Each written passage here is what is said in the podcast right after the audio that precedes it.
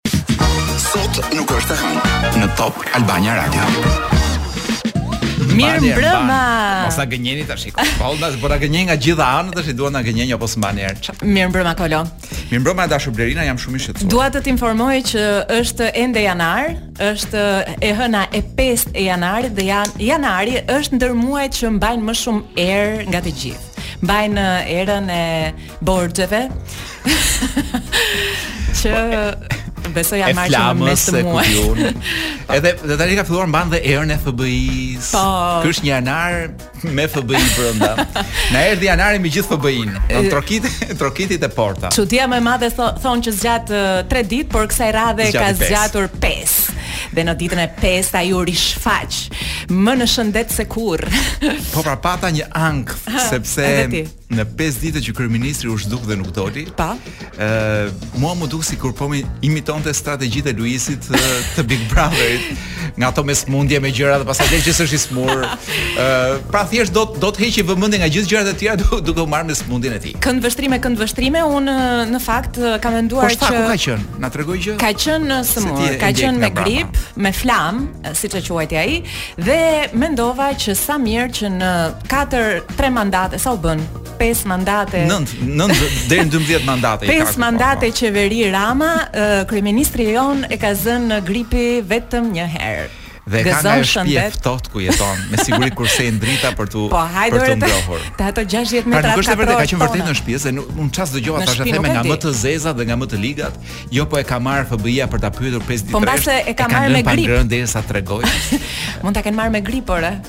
Domethënë, njëra gjë nuk përjashton tjetrën, dua të them. A, ka gjysmë të vërteta, e kupton? pra, ai ka qenë me grip, por, po jo në shpitë, po jo. në shpinë e FBI-s. E kaloi në shpinë e FBI-s, i jepnin supë çdo gjysmë ore. Tani, unë jam duke... Derisa i tregoi të tëra. Pritur filmin e radhës uh, Hollywoodit, ku një ish anëtar i FBI-s, uh, zbulohet të ketë lidhje me një politikan të një vendi të humbur në Ballkanin Perëndimor, por vetëm në fund zbulohet nëse është një miqësi e vërtetë apo një aferë korruptive. Apo, së apo shpejti, seksuale dhe paratë thjesht janë seksi shkëmbyer me spalme. Në të gjithë kinematë botërore. Jam, ndërsa për faktin që ka ndodhur një nga gjërat më të rënda që ka parë ndonjëherë ky vend, pra një korrupsion tashmë i, i verifikuar nga instanca të larta. Ku kryeministri akuzohet se ka dhënë para një agjenti të huaj, domethënë është e gjitha një një parodi, po jo parodi, por është një tragjikomedi. Dhe fakti që jo qeveritë, po do kishin rënë pallatet, kullat në çdo vend të Evropës do kishte rënë. Në Francë për shkak do kishte rënë kulla Eiffel. Opozita nuk ka folur akoma. Ktu thjesht nuk është si një, ku di un, si sikur hëngre diçka që të bëri keq. Pra ndihemi gjithë sikur ngrë, hëngrëm diçka, ë uh, atje te qoftet, te pazari, do hëngra një qofte, por nuk më bëri shumë mirë. Pra gjithë kjo histori është si punë qoftesh për ne. Dhe vjen e nesërmja shëro, ikën memoria e qofte, e qoftes. dhe na duket sikur uh, çdo gjë kthehet në normalitet. Ashtu dhe. Blerina. Mirë se erdhe. Mirë se të gjeta. Ë uh, sa kemi? Edhe 2 minuta. Për të bërë çfarë? Okej do që të flasim edhe 2 minuta të tjera. Mirë, kemi Atëherë. jo, desha të at, mund të flasim po, për po. për gjëmën tjetër të kryeministrit, për për gjëmën reale të kryeministrit. A mund të them edhe një gjë? Karma is a bitch. Se e tha vetë jo për gjë. E tha po në ç'rast, domethënë ça. Ua tha si po. europianëve. Ua tha europianëve. Jo vetëm europianëve. Mendova se kishte fjalën për këtë punë e rublave se u mor rublaxhinë kështu domethënë, ndërkohë që vetë është i përzier në një gjë një korrupsion në një agjenturë Dhe pastaj që vinin njerëz që më thoshin po non gratën e ka sajuar dhe unë nuk e mendoja që kryeministri jonë të ishte aq i fuqishëm sa të ndërhynte deri në FBI, ku di unë. Po paskësh qenë më i fuqishëm se sa kujtonim ne. Tani. Domethënë, se ç'ka një jo, një magnetizëm për këta të për këta të huajt me pushtet. Domethënë, i shkojnë aty në në dhomë, ku di unë, shofin shofin ato breshkat e tij, hipnotizohen, shtrihen te krevati, shtrihen. me të dëgjuar e kam. Mua s'më ka shtrirë akoma në në në në, në zyrën e vet. Unë ato piktura. Por ç'janë gjithë ata të huaj shkon dhe i shtrin një herë ke zyra e vet, domethënë dhe i bën kështu si hipnozë. I bën një terapi, domethënë sigurisht falas. Në jo, terapia është falas, pastaj të tjerat paguhen më mbrapa, siç kemi parë me qindra mijëra euro. Tani argumente kemi plot, po nuk kemi sekonda mjaftueshëm. Hë. Unë jo, unë desha vetëm të qeras po. me për ta nisur çik me energji dhe për të harruar gjithë ato ngjarjet e rënda që kanë ndodhur në Shqipëri. Mm -hmm. gjithë gjëja jo, që ne, Shqipërisë dhe FBI-së bashkë. Ne ne mund ta harrojmë, po shqiptarët nuk e harrojnë. Ne të dy mund ta harrojmë, po shqiptarët ama Shqiptarët e kanë harruar që te dita e dytë. ama shqiptarët nuk mund ta harrojnë që Luizi kishte ëndërr për të shkuar Maldive. Jo. Atë nuk kanë për ta harruar kurrë. Janë duke mbledhur fonde. Sigurisht. Unë mendoj që të heqim gjithë nga pensioni nga një çik, diçka nga nga pensioni juaj, nga rrogat tona. që ai djalë që ja futi Maldive kot se ishte fjala e parë që erdhi në mend se ndoshta si po shoj i lëshon fjalët i shkreti por ka stil dhe neve pse mos ja bëjmë ëndrrën realitet bukur unë do të sjell më vonë edhe e, disa udhëzime se si mund të kurseni deri në 5050 euro për 26 javë që t'ia jepni e, Luizit për e, të kryer udhëtimet e tija të lumtë ajo gojë dhe të lumshin ato euro Jemi rikthyer, pse je kështu? Meqenëse kryeministri bën sikur ne do bëjmë sikur s'është e hënë, se përderisa ai bën sikur nuk ka lidhje me këtë aferën e FBI-së. Paskam thënë dhe fjalinë dhe kemi hyrë te pjesa e lajmeve të javës që përjashto Big Brother ngelen shumë pak në fakt. Dhe të gjitha lajme me kryeministër brenda. Ëh, kryeministri paska thënë që ja thashë Ja thash fjalën mik. Se gjithë puna është tani ta mohoj që e ka pasur mike që po. kanë ku di un, që e ka fjetur në divanin, në divanin e tij kryeministri po. etj etj. Dhe ka thënë ja kam thënë atë fjalën mik siç themi ne. Jo, në jargon. Siç e thon anglezët, kupton pra që ato. My friend. Po, që është po, kështu që ja thon kujdo dhe një të panjohuri, kupton? E kuptoj. Pra nuk e kam thënë në në stilin shqiptar. Oh, si si si si. Gjë që më bën të mua, mua të mendoj që kryeministri është realisht një kryeministër pa pikë turpi, por në stilin anglez, në stilin shqiptar dhe në gjitha gjuhët e botës, domethënë siç kështu tha edhe Luizi, nga shkumbini e sipër ta e kuptojnë shumë mirë se si ë dialektin tim edhe mënyrën se si un flas, për ju nga shkumbini e poshtë. nuk di ç't'ju them domethënë. Tani nuk e di kush kopjon kë. Domethë, ose këto janë teknika të shkruara për të gjithë kanë një manual të dhe, dhe rastësisht u kanë rënë në dorë të dyve. Nuk e di. Ose më, më thuaj edhe kjo që mendjet e mëdha. Po think alike, po, do thoshin mendoj, këta. Mendoj njësoj nga frendat tanë. Megjithatë, ne i duam të dy. Ne adhurojmë Luizin dhe kryeministrin. Për momentin. Për momentin. Sepse kemi dhe atë gjën e mirë që ë siç ka ndodhur me gjithë njerëzit që kanë udhëhequr Shqipërinë në mhm. shkuarën, mm -hmm. në përgjithësi rregullisht në mënyrë të rregullt të gjithëve shkojnë dhe u bëjnë njerëzit çiçin ke varri. Domethënë te busti ose te busti sepse shqiptarët kanë këtë gjën që për momentin mund të duan, po të nesërmen te jemi me fitusit në ekonomi. Të shkelin edhe të gjuajnë me baltë. Tani ë një ndër lajmet e bujshme të javës, por që ka kaluar nën zë, pra të bujshëm për disa që janë të vëmendshëm, ka qenë ë çmontimi i mbi 1 milion telekamerave ndër në të gjithë Shqipërinë, të vendosura më parë nga organizata të mirëstrukturuara kriminale sipas të dhënave të policisë. Më pëlqen kjo ngjarje që ka ndodhur yeah, sepse tregon jemi në nivele teknologjike të larta. Uh -huh. Pra po ndjekim Kinën. Mafia është jo ne. po sigurisht, Por... leadershipi. Se mafia është leadershipi i vendit fakt. Ata u shiko, po s'e çoi mafia përpara, nuk kemi s'e presim dot nga njeri tjetër. Do bëjmë disa kërkesa për uh, mafian Unë i kam. He. Ju lutem merrni përsipër arsimin. Okej. Okay. Pra ministrimin, ministrinë e arsimit i japim mafias, po t'ia japim për vërtetë, jo po, kështu domethënë me mafia, kështu që jo po librat, jo po ku di un. Po. T'ia japim realisht mafias që ta çojë arsimin përpara. Po shëndetin. Siç ka çuar teknologjinë. Ë, uh, edhe shëndetin. Ashtu dhe. Të gjitha, unë biles edhe sikur uh, kryeministrinë t'ia japim me PPP mafias, unë them që do kishim parë hajër me sy. Është qartë. Tjetër lajm nga vendi ke? Sa sa ishin 1 milion, një milion, një milion uh, kamera. Po nuk janë për ne qytetarët, janë për për të ruajtur policët. Po nuk ka shumë rëndësi. Okay. Pra 1 milion kamera që kanë hyrë në këtë vend, që janë instaluar, domethënë nuk është shqetësuar. I vën natën këta apo si mendon. Kur i vën? Mua kur më kanë marrë për Apo... mua më, më linin vetëm për të ruajtur, mos vin policia don. Nuk kam arritur kurrë të jem pjesë e Apo... grupit që i montonte. Po këto punë kemi bërë ditën për diell. Bëjnë kështu sikur po qethin pemët edhe ndërkohë instalojnë Lena, më fal, po pse habitesh? Ti nuk ke parë që këtu mund të bësh ditën çdo gjë. Pra ka njerëz që befas ndërtojnë një pengesë betoni në mes të rrugës dhe nuk i thotë askush asgjë. Për shembull, Po, do vi dita që do ta Nuk ke parë njerëz për shembull që nuk ke parë njerëz për shembull që vijnë dhe presin me ka, një kavo biçiklete kështu me darë dhe nuk i shqetëson, nuk shqetëson asgjë askënd, domethënë. Po se nuk ka një kamera policia që t'i shohi aty. Kështu që gjëra të vogla kur të flojnë. Gjëra si kjo domethënë ndodhin gjatë gjithë kohës ditën për diell sepse policia nuk është për të për të parë çfarë gjëje po ndodh në këtë vend. Të kuptoj. Një lajm tjetër që kam unë këtu është vazhdon të jetë um, një nga këto lajme që kanë të bëjnë me me dredhitë e kryeministrit.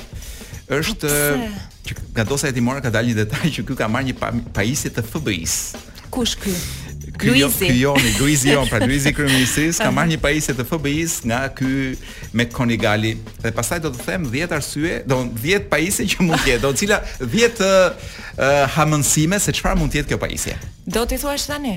Jo, jo, një çik më vonë. Tash të të mbaroj të mbaroj me lajmet. Kemi okay. kohë, kemi. Uh, një lajm tjetër është kriza e energjisë sepse pavarësisht se ç'mendohet kush krizë mor kush është në krizë ore çfarë thua ç'është kjo krizë gjithë ky shi Më vjen shumë keq që po. e sheh me këtë sy, po unë duhet të them që në është vendosur, është vendosur që të riaktivizojmë. Aha. Për ta gjej kush e ka vendosur. Ëm ne paskemi një minierë qymyrguri në Kolonjë. Aha. Aha. E cila është e cila që nga vitet 70. dhe kanë vendosur që të rinisë funksionimin, mm -hmm. mbasi i kanë dhënë lejen. E qartë. Tashmë ndërkohë që gjithë bota është ku di unë po përpiqet t'i heqë këto fosilet e tjera e tjera, ne më në fund po rikthehemi tek qymyrguri.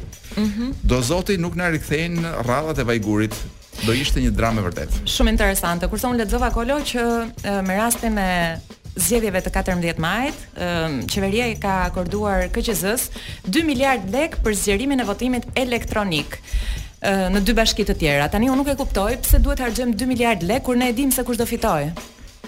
Jo, unë kam një pyetje, pse nuk, domethënë, u bë testi me dy, ë, ku di unë, me dy mini bashki dhe doli shumë mirë. Tani nuk e di pse bëhet me dy e me dy. Apo po presim, se 2 miliard lekë kemi.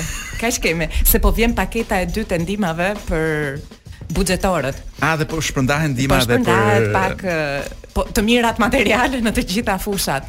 Thjesht nuk e kuptoj pse se ne e dim. Jo, jo, uh, më duhet të them që votimi elektronik uh -huh. ka shanse shumë më pak, këtë e them shumë seriozisht. Uh -huh. Ka shanse fare se më vjen si për të qeshur. Ë, uh, ka shanse shumë të mëdha që të jetë më pak i manipulueshëm. Se sa ai me miell? Se sa po jepi miell sa duash, uh -huh. po për shembull disa marifete që bëhen, uh -huh. që unë do kontrolloj fletët, pra duke numëruar fletët, ti do më vësh një shenjë nga ajo fleta e votës. Sepse pak a shumë një nga marifetet që bëhet Blerina mm -hmm. për të mhm. vjedhur vota në këtë vend është mm -hmm. ky, mhm. që ti, mm -hmm. mbasi unë të kam dhënë lekët, pa. Po. dhe qëllimi kryesor është ky, që ti të mos ma fusësh mua pa. Po. që dhashë lekët. Domethënë duhet verifikuar. Dhe janë shpikur disa metoda se si ty të mbaj në kontroll. Dhe një nga mënyrat se si ty të mbaj në kontroll është që ti të lësh një shenjë Familja jote ose fisi jot me 50 veta se votat shiten kështu tani me. Pa, pa. Ka dhe shitje me shumicë. Ë uh, Ja ku jam, domethënë, ja ku më ke. I gjithë fisi jot për shembull, përveç kësaj do vërë në këtë pikë diku. Pra ka dhe një shenjë tjetër në letër, ta. të cilën numëruesi im e verifikon edhe pastaj ti patronazhisti halal të kesh ato halal të kesh atë miellin apo iPhone-in apo lekët që ke marrë. Pak a shumë kjo është. Dhe nëse ne kalojmë në votim elektronik, disa nga këto gjëra edhe do të. Dhe sa qendra votimi na kanë ngelur? Prandaj dhe nuk bëhen, jo. Derisa kemi katër elektronike. Ata kanë llogaritur që të vdesë fizikisht Rama në në në, në mbasi të bëjë 105 vjeç ose 150 vjeç dhe pastaj do bëhet votim elektronik, thon iku ai tash mund të votoni si njerëz. Okej, okay, po. Më në fund. Një blok reklamash, apo jo s'kemi reklama? Prit. Kemi një këngë. Për pak shpika. Kjo është kjo është një këngë Kjo është një këngë që unë e dua shumë sepse është nga një nga grupet që unë i dua shumë, që është Motorhead. Por ishte një këngë, nuk po them e humbur, por kishin mbajtur në sirtar. Dhe pavarësisht se ky Lemi ka vdekur, këngën e kanë nxjerrë tash nga sirtari dhe kanë publikuar para një jave. Greedy Bastards. Dhe është edhe kjo për politikanët. Këta maskarenj, domethënë, të pangopur. Grykësa. Grykësa. Dhe ja ku po tund librin e Haruki Murakamit. që nuk e kam idenë mirë si shqiptohet si si emër, sepse është emër japonez. Po. Se mund të jetë Haruki Murakami, për shembull. Haruki e. Po, mund të ketë shumë emra, po është po më vjen gjynaf Blerina që do kjo është hera e fundit që do lexoj këtë libër, sepse është një libër i jashtëzakonshëm. Në jug të kufirit në perëndim të diellit është i botuar nga Skanderbeg Books, përkthyer nga Artan Kuçi, përkthyer Mjaftueshëm mirë dhe kushton 1000 lekë. Sa një koktejl, pra sa tre çereke koktejli në në një fundjavë. Mhm. Mm Ëh, uh, po kemi ngelur. Kemi ngelur, po unë po kudo që ta shfletoj është është bukur. Vajzën time të vogël e kishte zënë gjumi top tek dhoma e saj. Kur mbarova kafenë, e ftova Jukikon në shtrat. U zhveshëm dhe u përqafuam nën shkëlqimin e diellit.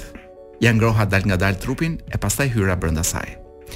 Por gjithë kohën që isha brenda saj, përfytyroja Shimamoton. Mbylla sytë m'u duk sikur përqafoja Shimamoton. Kështu ejakulova fort. Bëra një dush pastaj u ktheva në shtrat të flija ca. Yukiko ishte veshur tashmë, por ngaqë isha shtrirë në shtrat, ajo hyri poshtë shtresave më puthi shpinën. Heshta sytë mbyllur. Ndihesha në faj që kisha menduar për një grua tjetër ndërsa bëja dashuri me të. Vazhdova të qëndroja në heshtje me sytë mbyllur. E di, unë të dua vërtet, tha Yukiko. Jemi martuar prej 7 vitesh dhe kemi edhe dy fëmijë, thashë. Ka ardhur koha që të fillosh të mërzitesh me mua, nuk është kështu? Ndoshta, por prapëseprapë të dua. E përqafova dhe fillova ta zhvishja, ia hoqa bluzën, fundin dhe mbathjet. Nuk besoj se ke ndërmend të bësh atë që ke ndërmend. Tha ajo. Sigurisht që po thashë. Ky është një rast special për ta shënuar në ditarin tim. Në ditarin tim, tha ajo. Këtë herë u përpoqa fort të mos mendoja për Shimamoton. Rrethova me krahë trupin e Yukikos, duke e vështruar në sy dhe duke u përqendruar vetëm tek ajo. E putha në buzë, i putha qafën gjinë dhe ejakulova brenda saj, më pas e mbajta të shtrënguar për një kohë të gjatë. Je mirë? pyeti ajo duke më vështruar. Mos ndodhi diçka sot mes teje dhe babit? Asgjë nuk ka ndodhur, u përgjigja, asnjë gjë. Thjesht më pëlqen të qëndroj pak kështu. Vazhdo atëherë, tha ajo dhe më shtrëngoi fort ndërsa isha brenda saj. Mbylla sytë dhe e tërhoqa fort drejt meje, a thua se po të mos e bëja këtë, do të fluturoja në ajër. Ndërsa e mbaja të përqafuar më erdhi ndërmend përpjekja e saj për të vrarë veten, që më kishte treguar i ati. Isha i sigurt se do të vdiste, mori fund, mendova. Ishin fjalët e të atit ato. Sikur gjërat të kishin marrë një drejtim pakëz të gabuar, nuk do të isha duke përqafuar kështu, kështu trupin e saj. I preka ëmbëlsisht supin, flokët dhe gjinjtë. Ato ishin të vërteta, të ngrohta dhe të buta. Arrija të ndieja nën pëllëmbën time jetën e saj. Askush nuk mund thoshte se sa do zgjaste ajo jetë. Çfarëdo gjëje që ka formë, mund të zhduket në çast. Yukiko, kjo dhomë, këto mure, ky tavan, kjo dritare. Ata mund të zhdukeshin papritur e papandehur. Befas më erdhi ndër mend Izumi. I kisha bërë asaj, po atë që i kishte bërë Yukikos ai burrë. Yukiko rastisi që më takoi mua më pas por Izumi mbeti fillikat. Putha qafën e butë të Yukikos. Do të fle ca i thashë, pastaj po shkoj në kopsht të marr vajzën. Gjumë të ëmbël tha ajo. Fjeta vetëm pak kur hapa sytë ora ishte tre e ca e pasdites. Nga dritarja e dhomës së gjumit mund të shihja varrezat e Aoyamës. U ula në një karrige pranë dritares dhe ua ngula sytë varrezave për një kohë të gjatë. Sa shumë gjëra dukeshin ndryshe tani. tani që Shimamoto-ja ishte shfaqur sërish në jetën time. Dëgjoja Yukikon që po përgatiste darkën në kuzhinë. Zhurmat dëgjoheshin të mbytura si të vinin nëpërmjet një tubi nga një botë mjaft e largët. Nxora BMW-n jashtë garazhit të nëndheshëm dhe u nisa për te kopshti që të merrja vajzën. Ata kishin një program të veçantë atë ditë, prandaj ishte gati ora 4 kur ajo erdhi te porta e shkollës. Ishte e sigurt se aty do të gjeje një rresht me makina të shtrenjta e plot shkëlqim, Saab, Jaguar, madje ndonjëherë dhe ndonjë Alfa Romeo. Nëna të reja të veshura me pallto shumë të shtrenjta, zbritnin nga makinat, merrnin fëmijën e vet, i fusnin në makina dhe largoheshin. Vajza ime ishte e vetmja që vinte ta merrte i ati. Kur e pashë e thirra dhe e përshëndeta me dorë, edhe ajo tundi dorën e saj të vockël dhe erdhi drejt meje. Pastaj ajo pa një vajzë të vogël të ulur në një Mercedes blu 260 E dhe vrapoi tek ajo dhe i tha diçka me zë të lartë. Vajza tjetër mbante një kapele të kuqe dhe kishte nxjerrë kokën jashtë dritares së makinës së parkuar. Mamaja e saj kishte veshur një pallto kashmiri të kuqe e mbante syze dielli të mëdha. Kur u afrova dhe mora vajzën për dore, gruaja u drejtua nga unë dhe më buzëqeshi vesh më vesh. Edhe unë ia ktheva buzëqeshjen. Palltoja e kuqe dhe syzet e diellit më sollën ndër mend Shimamoton. Atë Shimamoto që kisha ndjekur nga Shibuya në Aoyama. Përshëndetje i thashë. Përshëndetje ma ktheu ajo. Gruaja ishte marramendëse. Nuk ishte më tepër se 25 vjeçe. Në kasetofonin e makinës së saj po luhej kënga Burning Down the House e grupit Talking Heads. Në sediljen e pasme kishte dy qese pazare nga Kinokunia, ajo kishte një buzëqeshje të bukur. Vajza ime i pëshpëriti për një farë kohë ca fjalë shoqes së saj të vogël, pastaj e përshëndeti. Edhe vajza tjetër e përshëndeti. Më pas ajo shtypi butonin dhe mbylli dritaren e makinës. E kapa vogëlushen time prej dore dhe shkuam tek BMW-ja e parkuar. Si shkoi dita sot? Patët ndonjë gjë të lezetshme? e pyeta. Ajo tundi kokën fort. Asgjë të lezetshme, ishte e tmerrshme. Më tha. Të dy e paskemi kaluar keq i thashë. U përkula dhe e putha në ballë, po ajo kishte në fytyrë po atë shprehje të vrenjtur të pronarëve snob të restoranteve franceze kur ti u jep kartën American Express. Jam i sigurt që nesër do të jetë më mirë, i thashë. Dhe unë doja ta besoja këtë. Kur të hapja sytë të nesërmen, bota do të ishte e re dhe çdo problem të ishte zgjidhur. Por nuk mund ta kapërdija këtë sepse kisha një grua dhe dy vajza dhe isha i dashuruar me dikë tjetër. Babi, tha vajza, dua të hipi te kali. Do të më blesh një kalë ndonjë ditë? Patjetër, një ditë i thashë. Kur është ajo ditë? Kur babi të ketë kursyer ca para. Pastaj do të blej një kal. A ke ti një derrkuc për të kursyer para babi? Po një derrkuc të madh. Të madh sa kjo makina. Po të mos kursej kaq shumë para, nuk mund të blej dot një kal. Po t'i them gjyshit, mendon se do të më blejë një kal? Se gjyshi është i pasur. Ashtu është i thashë. Gjyshi ka një derrkuc të madh sa ai pallati atje. Me tërë ato para brenda, me tërë ato para brenda. Por shtaj që i madh sa është e vështirë të nxjerrësh paratë jashtë. Vajza u mendua pak. Po a mund t'i them ndonjëherë gjyshit që të më blejë një kal? Patjetër thuaj. Kush e di mbase ta blen? Folëm për kuajt gjatë gjithë rrugës së kthimit për në shtëpi. Çfarë ngjyre i pëlqente të kishte kali? Çfarë emri do t'i vinte? Ku, ku do të donte të kalëronte? Ku do të flinte kali? E hipa në ashensorin e apartamentit dhe u nisa për në punë. Ç'do sillte e nesërmja, pyesja veten. Me duart në timon, mbylla sytë. Nuk më dukej sikur isha në trupin tim. Trupi më dukej si një enë e vetmuar dhe e përkohshme që rastësisht e kisha marrë hua. Ç'do të ndodhte nesër me mua nuk e dija. T'i blija vajzës një kal. Kjo ide m'u duk befas urgjente. Duhej t'ia blija para se gjërat të zhdukeshin. Para se bota të bëhej copë copë. Dhe këtu mbaron uh, ky kapitull. Uh, unë po e lë këtu uh, Jo se do të ta vjedhin. Mos e lër atë. Është në fakt është një nga romanet më të bukura Blerina që kam lexuar kohët e fundit, sepse është i përkthyer dhe mirë. Pra po ka një. Po kur e lexon për qejfin tënd e lexon uh, nga fillimi në fund, jo kështu. Jo, unë e lexoj një herë me përjashtim të një ose dy rasteve që kam lexuar paralelisht domethënë me radio, por në përgjithësi e lexoj më parë dhe meqenëse këtu përmend uh, pra një personazh këtu në kjo është një ngjarje e viteve 80, një personazh këtu femër 25 vjeç shumë e bukur japoneze Kishte një kishte një makinë uh, nga ku dëgjohej kënga Talking Head nga ah. uh, kënga Burning Down the House nga Talking Heads, unë thashë pse mos e dëgjojmë tani. Blerina nuk e di a ke vënë re që uh, është përmirësuar cilësia e vinovilit apo e zamkës apo këtyre ngjitësave që kemi në Shqipëri. Unë vërej që sa herë hym në mikrofon ti mban atë shishkën në dorë. Që të cilës po përpiqem t'i zhvesh etiketën me idenë që mos bëhet reklamë në radio, domethënë se po të vë këtë shishkën unë me këtë reklamën. që jemi të gjithë të fokusuar pikërisht për të kuptuar çfarë je duke bërë ti. Dhe është një nga ato ligjet e Murphy-t që tamam kur ti duhet t'ia heqësh etiketën, ti nuk ia heq dot, ama kur ti po mban një bidon nga etiketa, ajo do të shkëputet në çdo moment ose kur e mban nga, ku di unë, janë ca bidona të mëdhenj që mban me një sivil se ku di unë prej plastike, ë, të këputet menjëherë në mes të rrugës, Mund të vrasësh milingona po s'të përplasin makina etj etj. Ama kur do t'ia heqësh për antireklam, nuk ia heq dot. Dhe më ka ngelur kjo shisha me gjithë etiketën. Tani më ngjan sikur je në një siklet madh që merresh me atë shishën kur kemi kaq shumë gjëra të bukura për të thënë. Le pse mos merremi ke shumë të drejtë. Pse mos merremi me sikletet e kryeministrit? Hajde. Sikleti, një nga sikletet e, e marrëdhënies uh... bazuar pikërisht në ngjarjet më të fundit. Po, pra. Një nga sikletet mbi mbi marrëdhënien jo të shëndetshme mes ti dhe një funksionari të FBI-së, ë kanë dalë shumë informacione, por një nga informacionet që mua më habiti Aha. është që kryeministri ka mendohet që të ketë marrë një pajisje.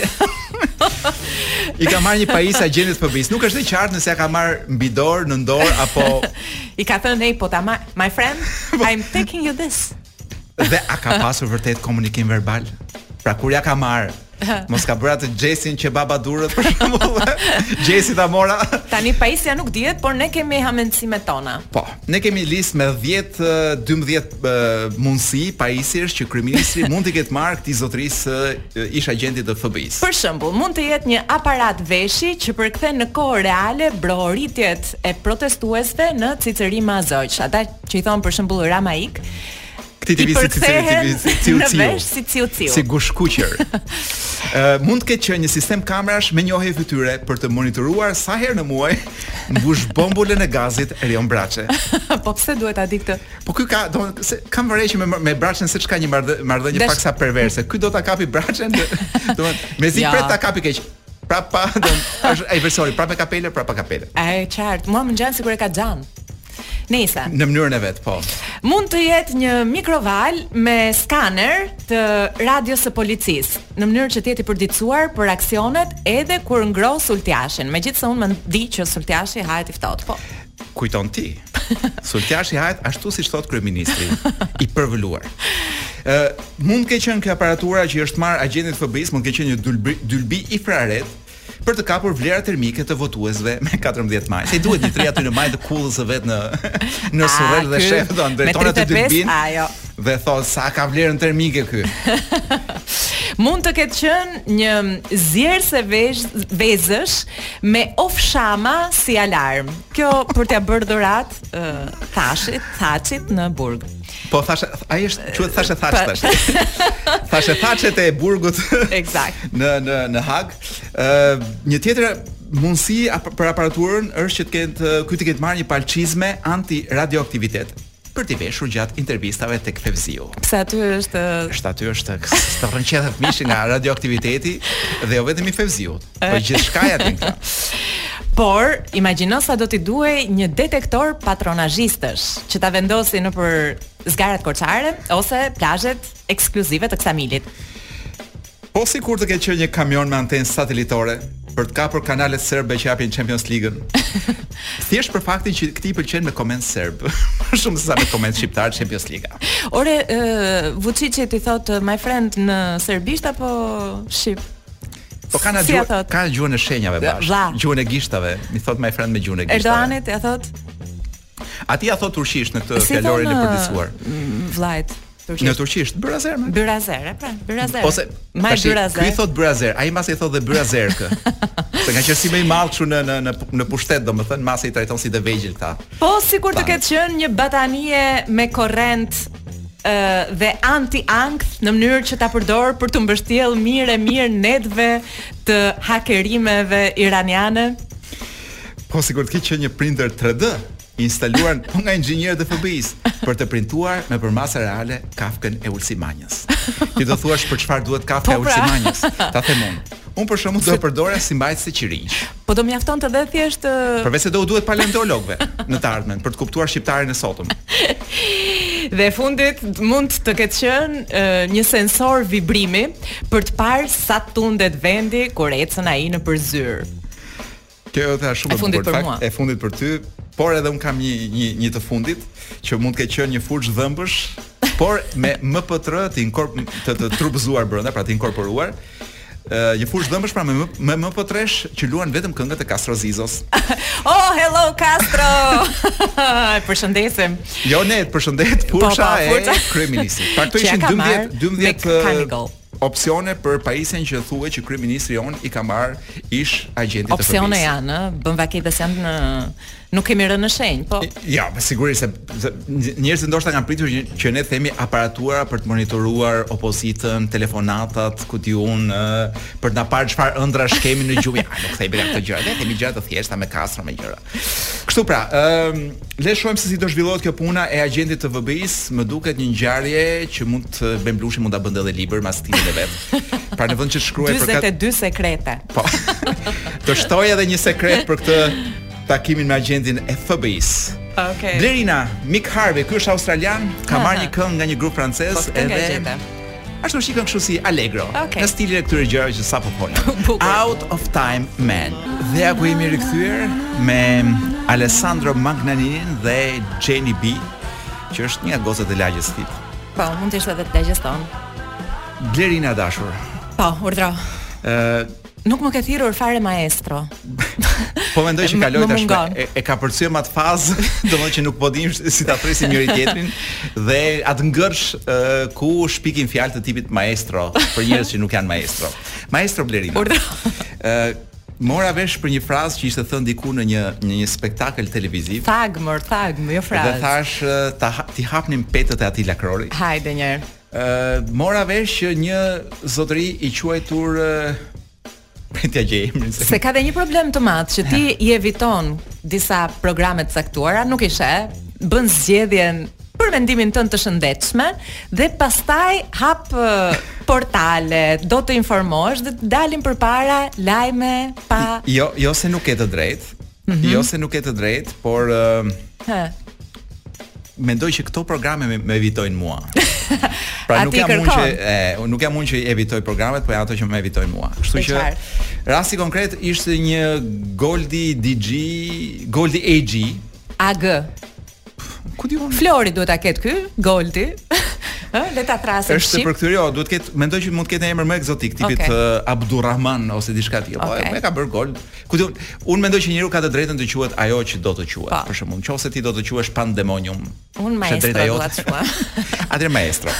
Ë, eh, gjëja që më habiti është fraza e thënë edhe jo, e thënë një kanal, e thënë në klan tek Luana. Ë, eh, praktikisht e thënë në një nga kanalet më të mëdha të vendit dhe një nga programet argëtuese më të mëdha të atij kanali. Dhe fraza është në buzë në publik puthen vetëm kafshët. Po është... do ta kenë shkëputur nga konteksti. Jo, jo, nuk e kanë shkëputur. Do ketë qenë ndonjë frazë. Hetova dhe me sa kuptova unë, qofsha e gabuar. Do të jetë ndonjë filozofi e të. a mund të më ndriçosh pak maestro? Të thashë se po të keqen maestro. Pra nëse është se këtu nuk po na nuk po na flet ndonjë orangutang i cili të flasë, me thënë për kafshët e tjera dhe për për të barabartët e vet. Uh -huh. Po na flet një person i species njerëzore uh -huh. dhe ne kemi je, kemi kaluar nuk e di disa qindra mijëra vjet duke u puthur jo, duke u shkëputur duke u përpjekur që të shkëputemi nga kafshët uh -huh. dhe Nga ana shkencore, kafshët nuk puthen në buzë një herë. pra është komplet e kundërta, njerëzit puthen. Madje ka kafshët nuk puthen. Ka... Po sipas tij, në rrugë, uh -huh. në rrugë, në buzë puthen vetëm kafshët. Tani pyetja ime pa, po, për ty është kjo. Ma thuaj. Do të të ndriçoj. Për kontekst mund të them që zotria këtë frazë ka thënë është më në kuadër të lojës. Në kuadër të lojës që ka një një një raund me pyetje përgjigje mhm. të shpejta dhe gjëja e parë që ka ardhur në mend këtij, pra fraza e parë që ka ardhur në mend është kjo. Pra ka formuluar në këtë mënyrë. Ëm pra pyetja paska qenë, a do e puthje bashkëshorten në publik? Larg. Dhe ky dhe ky ka thënë nuk do e puthja gruan në publik, se atë e bëjnë vetëm kafshët. Fraza e saktë. Atëherë. Tani pyetja ime për ty është kjo. Po. Çfarë kriteresh ë dhe çfarë testesh inteligjence duhet të kalojnë njerëzit për të dalë në televizor? Jo, më asnjë. Asnjë. Ke këtë përshtypje, se kuptoj. Dhe pse e shtron pyetjen të kësht, në këtë mënyrë? se un kisha një ide kështu të vagël që ndoshta një test edhe i jo, thjesht, por jo. pi një kafe me atë njeriu dhe ti kupton, ia vlen ky ta nxjerrim në të. Ia vlen sepse ky nuk thotë dhe Pra ky po na bën të flasim dhe për të. Po, ndoshta. Eksakt. Ndërkohë që ne ndryshe nuk do kishim folur për Pra paskan qenë shumë të zgjuar e dashur Blerina. Dhe më vjen shumë mirë që që na ndërpret David Bowie. Me me të dhëna të tilla shkencore edhe me dije të tilla edhe me një sensibilitet kaq të madh human na shpërfaqen kështu publikisht në kanalet e mëdha. Të të qeras me me këtë këngën Në David Bowie dhe Queen, nën presion. Po kjo këngë ishte kolonë zanore e një filmi që kam parë mbrëm dhe që më ka pëlqyer shumë. Hajde pra. Dhe që është uh, After Sun, është një nga këta të nominuarit për Oscar, i shkarkuar ilegalisht kuptohet. Për në Big Brother. David Bowie dhe Queen në Top Albania Radio. Nuk është e hënë, nuk është janar. Edhe un jam Blerina për Balkan Kolon. Jemi bashkë edhe pak minuta në fakt sepse Është ora 19 e 18? Jo. Ku është ora mo Kolo? Pak a shumë aq është pothuajse. Temperaturën dua të di unë, sa gradë është? Temperaturën vjen Kloi ta marrë termometrin. 4 gradë në Tiranë në këtë moment që flasim. 4 gradë. Po, 4 gradë. Atëre, jemi në pra, segmentin jemi tek ajo pjesa që na hyn çik dridhmat në në Tiranë domethënë. Ky 4 gradë për ne si siç është ky kinez, kam një kinez këtu. Hë, çfarë thotë?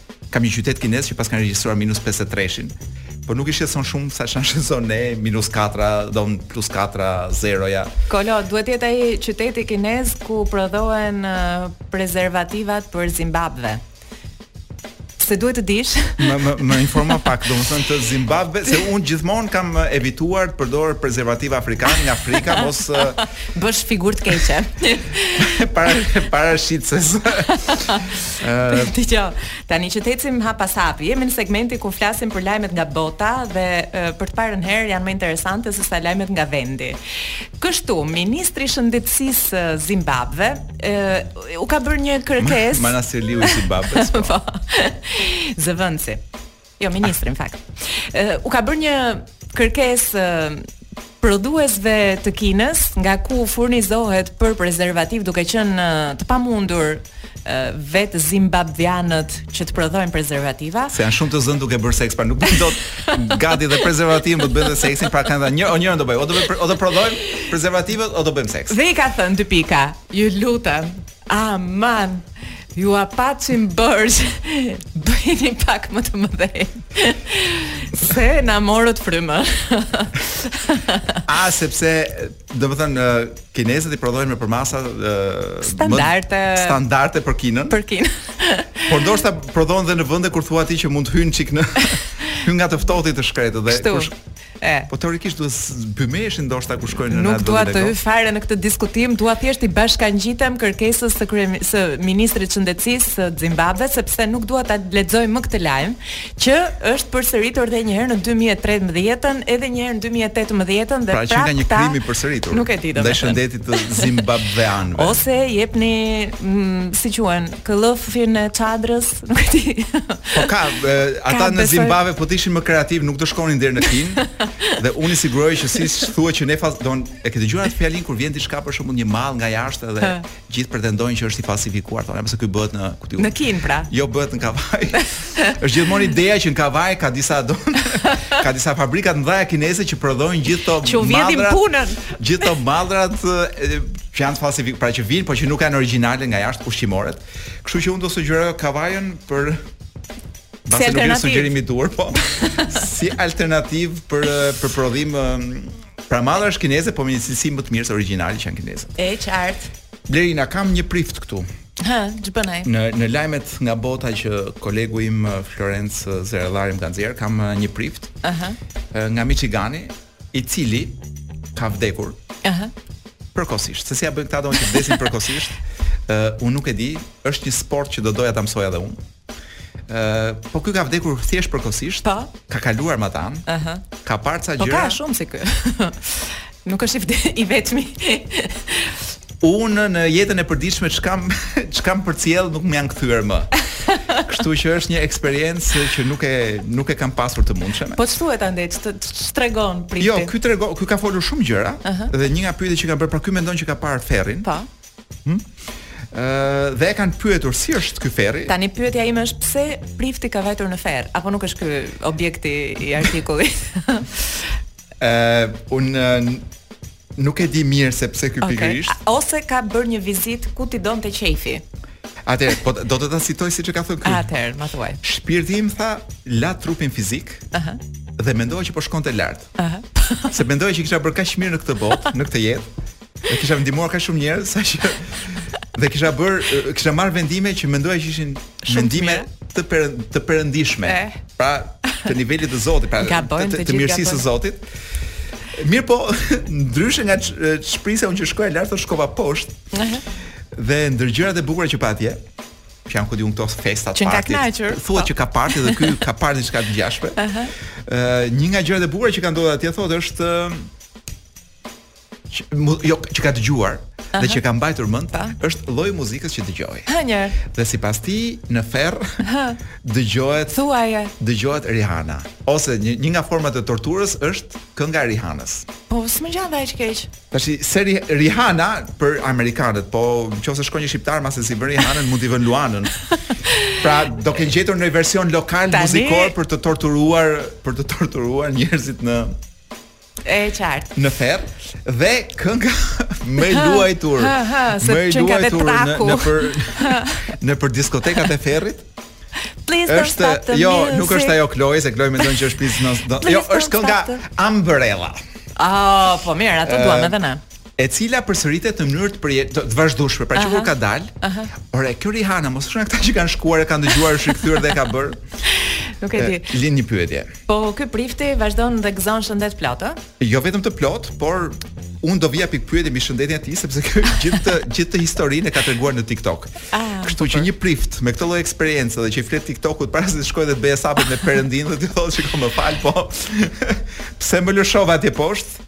Unë nuk e di. Unë po të isha do ta kisha hequr edhe frakun e si quhet, veshin e priftit, meqenëse nuk i paska shërbyer për t'u ngjitur në Parajsë, domethënë që të gjithë uh, stërmundimet e tij kanë qenë të kota dhe madje mbase edhe nuk ka ndihmuar askënd që mendon ose që ka menduar se ka ndihmuar. Unë do kërkoja që ky njeri të futet në The Voice. Ka, ka ardhur momenti për momenti për të që të krijojë këngët e veta dhe shkojmë shkojmë me repertorin e vet. Do ta hapim këtë vit Enkas.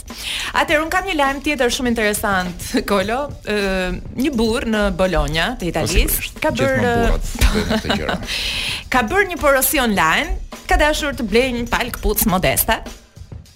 E vetmja gjë e bukur për shumë të tjerë. Tipike burrash, do të thotë që edhe këpucët po, do donin ti blinin. Dhe si ndodh asnjëra. Këpuca është vetmja gjë që Domethënë për vete po sa për vete kolo. Ka shumë nga ata që porosisin online. Tani jo të gjithë kanë fatin që bashkë me pakon e këpucëve t'u vijnë edhe 7 kg ë le të themi droga të ndryshme. A i kanë ardhur i kanë ardhur droga me postë. Eksakt. I provoi drogën siç do provonte këpucët? I prov i prov. O, në fakt ai njoftoi menjëherë policinë. edhe ë i dorëzoi të gjitha, po unë jam duke menduar për atë njeriu që kishte porositur, porositur drogën, drogën dhe i vajtën këpucët. Shqetësuese është. Ë Një lajm i mirë Blerina nga bota, dy lajme të mira. E para në një në një thertore, kasapi vrau një derr, tentoi të vriste derrin tjetër dhe derri tjetër e hëngri kasapin dhe e vrau. Ndërkohë që në ndërkohë që në savana, ta gjuetarët e tigrave, jo fal të luanëve, Njëri kishte vrarë dy vëllezër vranë një luan. dhe luani u kthye dhe e vrau njërin nga vëllezërit. Domethënë luanët e tjerë u kthyen dhe vranë njërin nga vëllezërit. Pra paska drejtësi në këtë botë. Mund të kishim vënë Rihanën, po ja do vëmë këtë Kuksin. Sweet Emotion. Në Top Albania Radio. Do të marrim pak eh, erë nga jashtë tani. Po nga jashtë, po do na fryjë era e ngrohtë e Amerikës. Ëh, e dashur Blerina, maestro Blerina. Po, lutem. Kam një kam një lajm për të cilin nuk di se çfarë të mendoj. Domethënë, të, me, të mendoj mirë, apo të mendoj keq? Ose shumë mirë. Kam tendencën, mm -hmm. kam tendencën që të mos mendoj dhe mirë për këtë lajm. Dhe na duan njerëz kritikë. Jo, është lajmi ka të bëjë me një publikim të Instatit. Un jam armiku më i madh i Instatit. Un mendoj që Instati është institucioni më i çuditshëm dhe un nuk besoj që, pra un nuk i besoj asnjë lloj statistike të Instatit, mm -hmm. për të qenë i sinqertë. Ë uh, dhe faj nuk është i tyre, mbase faj është i gjithë Shqipërisë që ta bën të pamundur që ti të besosh që ky shtet bazohet me statistika apo drejtohet bazuar apo manaxhohet bazuar mbi statistika dhe Instati paska nxjerrë një ca të dhëna. Hënjer, hë. Të cilat uh, fliskan për një trend të ri. Hë. Uh, që medemek Shqipëria është vendi më i mirë europian për nomadët amerikanë. Pra nomadët amerikanë quhen, e kanë përkthyer në shqip, uh -huh. uh, janë këta që bredhin uh, që marrin një laptop nën sqetull. Po. Dhe meqenëse Amerika është çikë e shtrenjtë, po themi, ose Londra është pak e shtrenjtë, ose ku di unë, ka ca vende që janë të shtrenjta, shkojnë në një vend të lirë, pa. Po. për të jetuar më lirë. Ata mund të punojnë online, nuk janë detyruar të jenë fizikisht në vendin e punës, kështu që mund të zgjedhin një pikë kudo në tokë, për të qëndruar për të rritur. Pse të rrijë në Vermontin e ftohtë ai kur vjen edhe rri në Sarandën e ngrohtë? Pikërisht pyetja. Shumë mirë. Dhe paska një artikull të gjatë të publikuar nga Monitori, mm -hmm. nga revista Monitor, ë që shpjegon këtë lloj trendi që medemek ne qenkemi vendi i parë në Ballkan. Sa veta janë këta që kanë ardhur këtu? Po këtu thuhet ja prit ta gjej një çikë se është një shifër që të rrënqeth. Aha. Gjatë vitit 2022 në Shqipëri kishte pothuajse 3.6 milion qëndrime. Çfarë? Pra, milion? E, sipas dhënave publikuar si nga Instat, ashtu edhe nga Eurostat. Për, për këtë Eurostatin nuk, nuk them se nuk e njoh. Po nuk njoh institucion me euro brenda që mos mashtrojë. Po këtë Instatin e njoh shumë mirë dhe nuk mund t'i besoj. Unë dua të di kush i ka marrë nga kush, pra Eurostati nga Instati apo Çështja është që fati keq është që kushdo që vjen për të vizituar prindin e sëmurë mm -hmm. dhe vjen nga Amerika dhe mund të ketë pasaportë amerikane dhe vjen me një pasaportë amerikane sepse ashtu është numëruar. Ktu konsiderohet si qëndrues. E kuptoj. Po ka një numër të caktuar ditësh, orësh. Sepse ndryshe pra nëse ne jemi 2 milion veta të ngelur këtu brenda, po. dhe po. kanë kaluar 3 3.6 milion do kishim takuar ca më shumë njerëz në rrugë nga këta nomadët. Po, përveç familjarëve.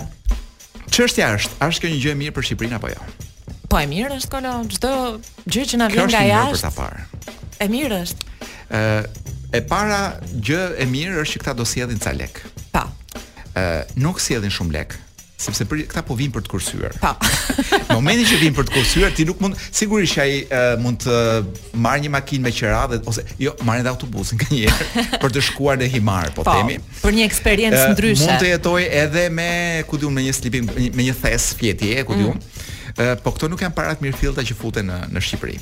Ndërkohë që kur vijnë këta të huajt, mm -hmm. tendenca që rriten të gjitha çmimet, për shembull, çmimet e apartamenteve me qira. Këta nuk e kanë rritur domethënë? Jo, këta nuk e kanë rritur, por tende ky është xhentrifikim. E kuptoj. Pra, ardhja e ca më të pasurve. E kuptoj. Është pak a shumë kur ca të pasur shkojnë nga një lagje e pasur dhe ja vënë syrin, po themi një lagje të varfër që është kombinati. Mm -hmm. Thon kombinati është akoma një vend ku mund të gjesh top, mund të bëj një vit, mund të bëj një sulen pasurit atje në kombinat. E xhentrifikojnë. Dhe ça ndodh? rriten të gjitha çmimet në kombinat. Dhe komban kombinasit nuk vlen dot. Dhe themi kanë atë gjën pastaj ngelen duke ngrënë kallam sheqeri. E njëjta gjë do ndodhte me shqiptarët nëse do kishim këtë lloj ë sulmi nga jashtë. Pra ardhje këtyre njerëzve që do rrisin disi çmimet që atyre nuk u bën shumë përshtypje. E kuptova. Por për ne të shkretët, edhe sikur me 100 me 200 të rritet ajo qeraja është një dramë shumë e madhe. Un kam pasur një shoqe që nuk e dija që quhej nomade, ë, si e thamë, nomade digjitale. Digjitale, e cila kishte zgjidhur zgjedhur Tiranën për të jetuar sepse kishte shumë më pranë se ç'mund të kishte në ku di un New York, Romën, Parisin. Pa folur për këta pastaj që vinë në Shqipëri për të qëndruar lirë dhe për të mos harxhuar asgjë. Lisboa. Dhe ato çikat e lekëve që kanë ruajtur shkojnë dhe i harxhojnë pra fluturojnë nga Tirana lirë për në Romë, i harxhojnë gjithë lekët në Romë dhe kthehen pastaj si pa buksa kur thuhet në Tiranë. Megjithatë un uh, jam e lumtur që të, ka qytetar në botë që ky vend i bën të lumtur. Ë uh, sigurisht Blerina. Ka po, njerëz, ka njerëz që mund të gjejnë lumturi edhe në Kinë dhe në Rusi kur shkojnë si turist. Halli është që ne jemi kinezët e Shqipërisë në këtë rast. Kështu që me ne ç'do bëhet është pyetja. Dhe e, populariteti i Shqipërisë në këtë lloj kategorie njerëzish nuk më duket aspak një gjë e bukur. Tani, a mund të japim disa këshilla se si të kursejmë që nëse duam t'i shpenzojmë ato para për uh, pushimet e verës, për të shkuar në plazh apo për t'ia çuar Luizit kur të dali nga Big Brother. A i ke edhe me shkrim? sepse un strategjitë e mia të kursimit ia lë gruas. Pra, mu, për mua kurse në kuptimin që un kursej, por në udhëheqjen e gruas. Tani un jam njeri i vetëm, kështu që nuk kam grua, nuk di si ta menaxhoj ndryshe, por zbulova që nëse ju doni të kurseni rreth 5050 euro për 25 javë, un do t'ju tregoj se si ta bëni. E para njëherë duhet të keni një rrogë në euro, ose përndryshe s'ka rëndësi sa është ajo rroga, rroga në euro apo jo? Jo, nuk Atëherë, ka deri diku ka rëndësi. E para duhet të kesh mjaftueshëm euro për të blerë 100 zarfa, zarfa letre të thjeshtë. Në secilin zarf duhet të shënosh numrin nga 1-shi tek 100-ta. Dhe në 25 javë, periodikisht dy herë në javë duhet të tërheqësh nga një zarf Dhe në bazë të shifrës që shënohet mbi zarf, duhet të fusësh brenda shumën e caktuar të eurove. Pra, po si shënon ti shumat në zarf ti? Ti i merr zarfat. A shuma është pra zarfi numër 100. Zarfi numër 40. Po. Ti do fusësh 40 euro. Tërheq zarfin numër 40, shkruan uh, fut 40 euro brenda e vendos më njanë. Ditën e dytë të javës tërheq zarfin me 37 euro dhe fut 37 euro dhe kështu duhet të vazhdosh për 25 javë. Domethënë, hileja qëndron që të mos të tërheqësh mbrapsht ato që ke futur nëpër zarfe. E, e kuptoj, jo, unë mendoj që hileja është kjo që kur të tërheqësh gabimisht për shembull zarfin që shkruan 90 euro, ti realisht t'i kesh 90 euro në xhep. Dhe mos përfundosh që, që për, mos përfundosh të fusësh xhinset në zarf, sepse kishe blerë 90 euro xhinse. A do të kursesh? E pra, unë po të them që në 25 javë, pra, pra po 6 tregon, muaj e një javë, se si të kursejmë 5050 euro. Në qoftë se kemi një rrogë aq të madhe sa të na teprojnë. Po. Po pse duhet kursim në të tilla raste? Un jam totalisht kundër kursimit e dashur Blerina. Më duket një nga politikat më të shpifura njerëzore fakti që je i detyruar të kursesh për një ditë të zezë. Pse mos jetojmë sikur nuk do të ketë ditë të zeza? Ne këtu kursem për një ditë të zezë, e dashur. Sa themi se mos të ndodh kjo dhe mos të ndodh ajo dhe mos të bëhet kështu dhe mos të bëhet ashtu. Një Pino Daniele për ty Blerina. Gje sopac. Na kanë mbetur dhe shumë pak minuta pa erë. Gjithë pjesa tjetër e jetës tonë do të jetë një erë e tmerrshme. Me sa duket kjo është e ardhmja jonë, por kemi ka shpresë të botë. Blerina po shikoja një këtë aktoren Florence Pug, pug apo puk, pug. Varet në shqip, në anglisht, my friend apo E po do të pyesim my friend, do të pyesim kryeministrin se ai di të bëjë dallimin e fjalëve në në nga nga gjuha në gjuhë. Ë, po kjo aktorja e atij filmit Little Women, që duket ka marrë dhe një Oscar ose është nominuar për Oscar, ë ka veshur një fustan të bukur? Çfarë ngjyre? Po ku di unë të flas për fustanet e grave të botës. Të hapur, të mbyllur, të shkurtër. Është një fustan ehm, transparent oh. si prej tyli më duket mua ah, po, po, me po, ngjyrë po, po. roz. E kuptova ku, ku i duket eh, ku i duken thithkat e gjoksit. E kuptova ku doni e... të eh, dilni të gjithë ju madje. po. Dhe kjo është pjesë e një lëvizjeje të ringjallur free the nip, pra Ka... çliro thithkën. Dhe më pëlqen ah, shumë kjo çliro thithkën. Hashtag. Sepse ë uh, eh, ka një problem shumë të madh me kryesisht me Facebookun dhe Instagramin, po me gjithë diskriminimin që i bëhet thithkës së femrës. Dhe kundrejt thithkës së mashkullit. Si me thënë, një mashkull mund të dalë me thithka zhveshur pa. Po. dhe nuk konsiderohet as problem. Po sepse nuk është eksitues. Ndërkohë që Facebooku dhe Instagrami censurojnë një foto të femrës që del ku di unë me thithka zhveshur dhe ajo. Kështu që nuk e ka, më fal, nuk e di ti, po unë për shembull po të shoh ku di unë s'po më kujtohet ndonjë mashkull i, i, i ri në moshë, domethënë, po po të shoh një mashkull me thithka, domethënë, ku di unë, me trup të bukur kështu, edhe unë kam një lloj përndezje. Po. Si me thënë, kur shoh bukurinë njerëzore. e qartë. Dhe them, ah, që s'jemi gjithë si ky. Ah, që s'i kam si ky. Tani unë nuk shqe, nuk kuptoj shqetësimin që kanë njerëzit me thithkat e femrës. Jo, nuk e kanë shqetësim. E kanë përndezje. A quhet përndezje? Po pra, e the vetë. Kështu që Facebooku po, na po ruan po mirë, nga po mirë, impuls. Uh, në qoftë se kemi një kategori shumë të madhe njerëzish që përndizen dhe nga thithkat e mashkullit. Uh -huh. Pse thithkat e mashkullit lejohen të shfaqen në fotografi në plazh dhe thithkat e femrave nuk lejohen? Nuk e di, mua këtë... Se nuk po flas për ata që janë jobinarë. Pra ata njerëz të cilët sot mendojnë që janë mashkull dhe nesër ndihen që janë femër. Ka Kloe një përgjigje. A ashtu. Dhe dhe ë uh, Kloe mendon që është intime. Kloe, s'e kisha menduar kështu? Ë uh, që meqense ato përdoren për të ushqyer bebet. Aha. Uh Ë, uh, unë mendoj Kloe pikërisht për faktin që përdoren për të ushqyer bebet. Pra multitasking. Pra, jo, uh, është është në fakt qëllimi i vërtetë i thithkave në në, në ekzistencë është që të ushqejmë bebet. Po jo, pse burrat s'e kanë. Fakt, po ne pse nuk censurojmë biberonët?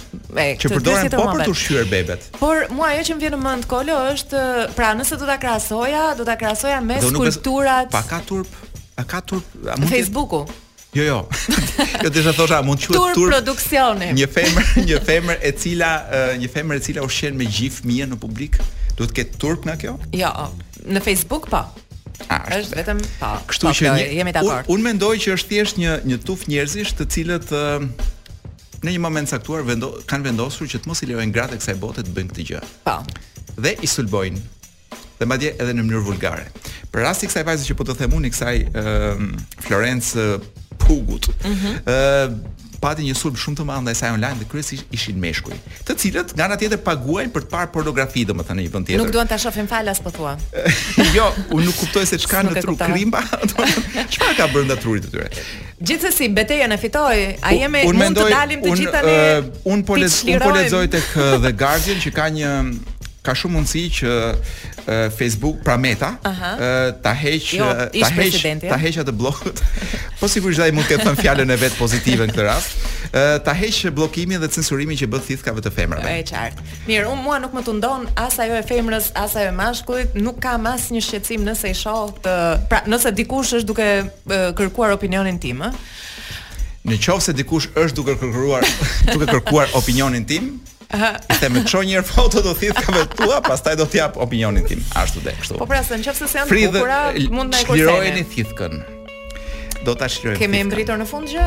Apo kemi edhe një takim tjetër? Kloi, e mbyllëm edhe për sot. Jemi e mbyllim me System of a Down, ëh? Po, unë do shkoj tani në mbështetje të kauzës së çlirimit të thithkave. Dhe do lëmë një një këngë që i jo, kushtohet. Jo, mos u zhvish këtu Klo. një këngë që i kushtohet radios tonë. Ju presim të hënën që vjen. Radio Video, System of a Down në Top Albania Radio.